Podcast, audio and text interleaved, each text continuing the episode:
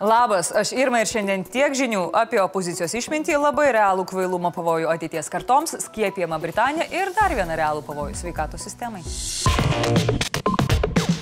Vakar paskelbta naujosios vyriausybės programa iš karto, kaip ir priklauso, nepatiko naujajai opozicijai. Vis dar laikinai einantis premjero pareigas Saulis Kvernelis rėkė plagiatas ir piktinosi, kad programą Šimonytė nusirašė nuo jo. Skaičiau programą, daug lozungų, jausmas toks yra skaitant, kad tai kažkur matyta, o matyta labai paprastai, nes tai yra esamos laikinos dabartinės vyriausybės programų daug, daugelis nuostatų. Labiausiai skvernelis pasigėdo ambicijų, reikšmingumo kalbant apie vidaus ir nacionalinį saugumą, teisingumą, krašto apsaugą, o pati programa jam pasirodė lengvai gyvendinama. Aš kažkaip visą laiką galvojau, kad tai yra logiška žadėti tai, ką tu gali gyvendinti, o ne 10 tūkstančių eurų kiekvienam vaikui ar po vieną ragį kiekvienam namūkiui. Bet skonio reikalas. Sauliu nepatiko ir užsienio politikos gairės. Kur čia patiks, jeigu visą ministeriją Landsbergiu atidavė? Ja? Savo fu išsakyti į Seimą atvyko ir iš jo pasitraukęs valstiečių ir žaliųjų sąjungos lyderis Ramūnas Karbauskis. Vyriausybės programa iš tikrųjų labai stipriai nustebino, nes e, ta propaganda, kurią mes girdėjom keturis metus, jinai sakė, jog mes viską darom neteisingai. O programa e, dominuoja įrašas mes tęsime, mes baigsime. Ramūnas nepraleido progos pabaksnuoti ir į jo nuomonę netinkamą ministrų kabinetą. Silpni žmonės, aišku, ir, ir vyriausybėje. Tai jeigu šnekėdami apie pačią vyriausybę sudėti, tai jie tiesiog nepajėgs, mano nuomonė, tos programos vykdyti, tęsti mūsų programos dėl kompetencijos tokos. Jis pažadėjo kurti alternatyvų valdžios frontą. Kitą savaitę mes pranešim šešėlinės vyriausybės sudėti ir e, šita šešėlinė vyriausybė bus gerokai stipresnė už tą vyriausybę, kurią mes turėsim natūroje. Pasiūlymas. Ši šešėlinė vyriausybė galėtų vadintis žaliųjų opozicinė pasipriešinimo akcija arba žopa. Galiausiai buvę vadai susitarė. Nepalaikysime šitos vyriausybės, natūralu, kad opozicija esame. Dar visai neseniai jie garsiai piktinosi, kad atėjusi nauja valdžia sustabdys ir atšauks visus darbus, idėjas, projektus. Dabar jie dar garsiau piktinasi, kad nauja valdžia nusprendė nestabdyti pradėtų darbų, nežlugdyti gerų idėjų ir tęsti pradėtus projektus. Haters gonna hate, kaip dainavo Taylor. Ingrida Šimonytė išklausiusi oponentų nepasitenkinimą liko lakoniška. Premjero valia kalbėti, ką jisai nori ir man tiesą sakant nelabai Uh, nelabai svarbu. Mums būtų buvę labai sunku nukopijuoti valstiečių žaliųjų rinkiminę programą, nes jos tiesiog nebuvo, kiek atsimenu. Kas dabar laukia šitos programos? Toliau ją svarstys parlamentinės frakcijos ir komitetai, kurie per 10 dienų privalo pateikti savo išvadas. Seimas posėdėje balsų daugumą turi pritarti arba nepritarti programai ir tada prisiekia naujai ministrai.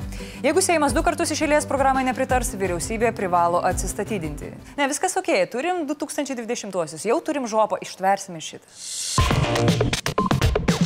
Žurnalas Reitingai paskelbė, na, būtent tai, kas į pavadinimą ir parašyta - universitetų, kolegijų ir mokyklų reitingus. Žurnalų vyriausiojo redaktoriaus teigimu reikėtų rėkti iš nevilties, nes tūkstančiai vaikų mokyklose neišmokomi nei matematikos, nei kitų pagrindinių dalykų, o naujosios ministrės laukia sunkus darbas visus pažadinti iš snaudulio. Tik 17 šalies gimnazijų visi pasirinkę valstybinį matematikos egzaminą jį išlaikė. Daugiau nei 300 gimnazijų šį egzaminą išlaikė ne visi. Blogiausių matematikų prizą gauna Vilniaus Laisvės gimnazija, kurioje egzamino neišlaikė net 75 procentai. Na, žinant jų matematinius sugebėjimus, skaičius gali būti ir didesnis. Ir čia ne vienos mokyklos problema. Lietuvoje matematikos ir kitų tiksliųjų mokslų pavyksta išmokyti tik tai apie 3000 jaunuolių iš 24 tūkstančių. Koš ma ras. Geriausiai matematikos išmoko KTU gimnazija, Vilniaus licėjus, Klaipidos licėjus, Vilniaus Jėzuitų gimnazija ir Vilniaus Biržiškos gimnazija. Lietuvo kalbos geriausiai išmoko Ukmergės rajono Želvos gimnazija, Vilniaus Žirmūnų gimnazija, Klaipidos licėjus, Kauno Jėzuitų gimnazija ir Lietuvos sveikatos mokslo universiteto gimnazija. Kolegijų topas atrodo taip. Trečioje vietoje Kauno technikos kolegija, antroje Kauno kolegija, o pirmoje Vilniaus kolegija. O universitetų trejetukas turbūt nieko nenustebins. Trečioje VGTU, antras KTU ir pirmas VGTU. VU. Ir čia mes paskelbėme tik tai kelis pirmaujančius. Internete galite rasti pilnus sąrašus ir pasidžiaugti savo mokyklos sėkme. Tačiau situacija su mūsų švietimu vis dėlto nėra gera. Reitingų sudarytojai sako, kad akivaizdu, jog švietimas regresuoja, atsiranda spragos ir šio proceso poveikį matysime dar ne vienerius metus. Na, vaikai iš tikrųjų yra gražiausias pasaulio gėlės, nes, kaip ir gėlės, nemoka skaičiuoti. Bet bent jau tik tokia šimtas tūkstančių followerių. Hm? Junktinė karalystė pradėjo didžiausią šalies istorijoje vakcinavimo programą, per kurią gyventojai bus skiepijami naująją vakciną nuo koronaviruso. Ši diena skambiai pavadinta pergalės diena. Jau pradėti skiepyti pirmieji pacientai - vyresniniai 80 metų asmenys, slaugos namų, sveikatos priežiūros bei socialinės globos darbuotojai. Kitaip tariant, didžiausios rizikos grupės. Pirmąją pasaulio moterim paskiepyta nuo COVID-19 tapo 90-metė Margaret Keenan. O pirmojo vyro gavusi vakciną vardas yra Viljamas Šekspyras. Nejokauju rimtai. Aišku, ne šitas. O šitas. Tai išgirdęs Britų sveikatos sekretorius Metas Hancockas net susigaudino ir pasakė, kad didžiuojasi esas Britų. You're quite emotional about that. Well, it's just uh, it's been, you know, it's been such a tough year for so many people. Visus gyventojus Britai po truputį skiepys paskirstė į devynias grupės pagal prioritetą. Likusią dalį populacijos planuojama baigti vakcinuoti 2021-aisiais. Lietuva irgi po truputį ruošiasi skiepytis. Aurelius Veryga sakė, kad Lietuvos gyventojų skiepijimas prasidės kitų metų vasario-kovo mėnesiais. O pasak profesorės Aurelijos Žvirblienės, tikėtina, kad didžioji dalis gyventojų jau turėtų būti paskiepyta kitą žiemą. Aš tikiuosi, kad jūs skiepysitės, kai bus vakcina, nes reikia kažkaip sustabdyti tą pandemiją. Aš jau noriu į kiną nueiti ar kur nors. Tiesiog parašykit komentaruose, ko jūs labiausiai pasilgote per pandemiją. Jeigu Lietuvoje būtų pandemijų rungtynės, koronavirusui sektųsi tikrai neblogai, nes jis naujus rekordus muša kasdien. Šiandien dėja rekordas itin liūdnas. COVID per paskutinę parą nusinešė 36 gyvybės. Mirusiųjų amžius siekia nuo 50 iki 99 metų, daugiausiai netekčių Kauno apskrityje, kiek mažiau Klaipėdos apskrityje. Žemėlapyje mirčių pasiskirstime galite matyti tiksliau. Aurelius Veryga aiškina, kad to ir galima buvo tikėtis. Na, kai toks sveikatos apsaugos ministras, tai Geriau pakalbėkime apie tą, kuris už vairo pakeis galvą skirtą Fedorai laikyti. Naujas paskirtas sveikatos apsaugos ministras šiek tiek prasitarė apie naujos vyriausybės pandemijos valdymo planą. Anot jo, plane bus numatyti keli scenarijai, pagal kuriuos visuomeniai būtų aišku, ką turime pasiekti ir prie kokių scenarijų reikia imtis vienokių ar kitokių priemonių.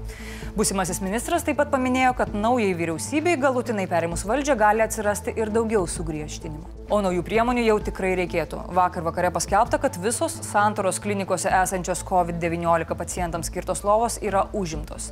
Vietų bus bandoma ieškoti Antakalnių ligoninėje, kuri dėl koronaviruso pacientų jau sustabdė beveik visas teikiamas paslaugas.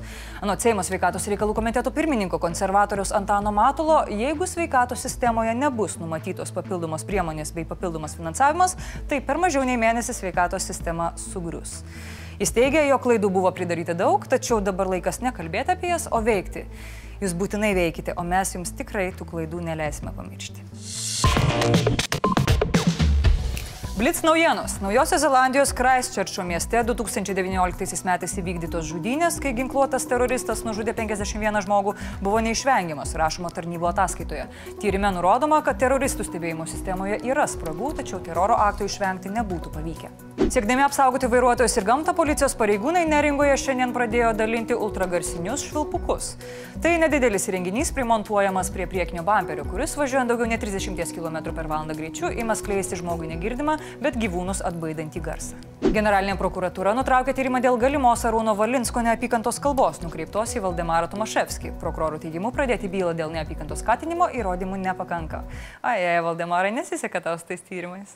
Seimas pritarė prezidento siūlymui atleisti generalinį prokurorą Evaldą Pašylį. Už atleidimą balsavo 126 Seimo nariai, niekas nebalsavo prieš, keturi susilaikė. Evaldas Pašylis atleidžiamas, nes baigėsi jo kadencija. Tudint. Medinis, 1, 2, 3. Kas ateina, kai būna šaltas? Senis šaltis? O ir ne. O va tai.